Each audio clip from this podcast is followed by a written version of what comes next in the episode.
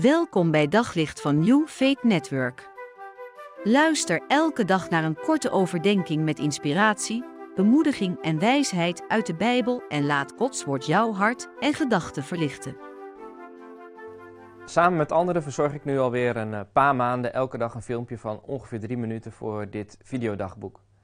In drie minuten kan een hoop gebeuren. In 2011 maakte de organisatie Rondom het Kind met het drie minuten filmpje Next Generation veel indruk op mij. Achter elkaar verschenen kinderen in beeld die zeggen: Wij zijn de volgende generatie. Ze vragen of wij tijd voor ze willen nemen om ze over Jezus te vertellen en hen te zien als discipelen in opleiding. De meest indrukwekkende vraag klinkt aan het eind. Over tien jaar, heb jij dan het verschil gemaakt? En vervolgens verschijnen in beeld deze versen uit Psalm 78. Ik opende mijn mond voor een wijze les, spreek uit wat sinds lang verborgen is. Wij hebben het gehoord, wij weten het, onze ouders hebben het ons verteld. En wij willen het onze kinderen niet onthouden. Wij zullen aan het komend geslacht vertellen van de roemrijke, krachtige daden van de Heer. Van de wonderen die Hij heeft gedaan. De tien jaar schieten hard op en ik vraag me af, maak ik het verschil? Als over een paar jaar aan kinderen in mijn omgeving gevraagd wordt wat het meest waardevolle is dat ze van mij hebben meegekregen, wat zouden ze dan zeggen? En hoeveel tijd zouden ze nodig hebben om een antwoord te bedenken?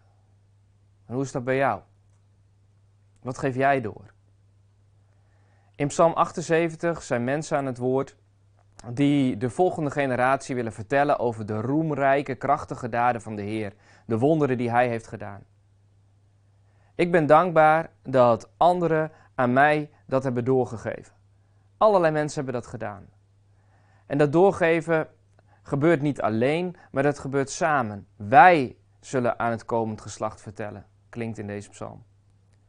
Er zijn meerdere mensen die ontvangen hebben en die doorgeven. En dat brengt ons meteen bij een wezenlijk onderdeel van doorgeven.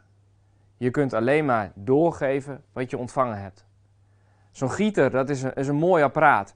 Maar als de gieter niet gevuld is, hoe, hoe wil je er dan mee gieten? Als er weinig in zit, dan komt er ook weinig uit.